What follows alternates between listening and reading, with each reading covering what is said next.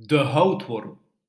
Toen de houtworm de hele dag had geboord, van zonsopgang tot zonsondergang, en nog een paar uur daarna, zei hij: Klaar. Hij zat naast een grote berg mol. Naast hem zat de meikever. Boven hen scheen de maan. Dag meikever, zei de houtworm. Dag houtworm, zei de meikever. Hij keek ernstig, want de bergmolm was alles wat er over was van zijn huis. De houtworm leunde achterover. Ik hou even rust, zei hij. Ja, zei de meikever. Hij wilde de houtworm wel een kopje thee geven, maar er waren geen kopjes meer en er was ook geen thee meer. Wat gaat u nu doen? vroeg de meikever voorzichtig. Nu? Ja, nu. Verder boren, zei de houtworm. Hij keek omhoog langs de stam van de beuk naar het huis van de eekhoorn en liet zijn blik vervolgens over de eik, de linde en de plataan glijden, waaronder en waarin tal van dieren woonden. Er was nog veel te doen. Komt er ooit een eind aan uw werk? vroeg de meikever onzeker. Een eind? Ja, een eind. Hoe ziet dat eruit, hard of zacht? De meikever zweeg.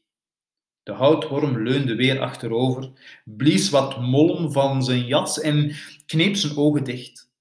De meikever had graag over het eind willen praten.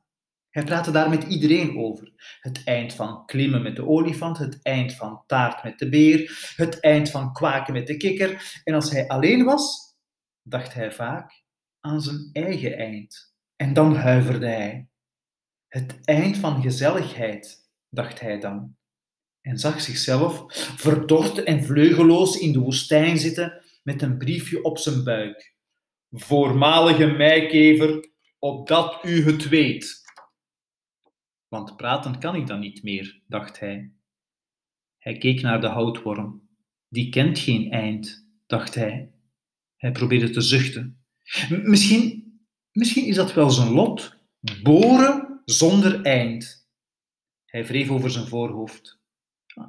Misschien is dat wel verschrikkelijk en moet ik alleen maar medelijden met hem hebben. De houtworm was opgestaan en boorde zich een weg de stam van de beuk in. Hij had geen tijd om met iemand van gedachten te wisselen. Boren ging altijd voor. De meikever keek om zich heen. Ik ga maar slapen, dacht hij. Hij wist niet wat hij anders kon doen. En hij ging op de grond liggen, want een bed dat had hij niet meer.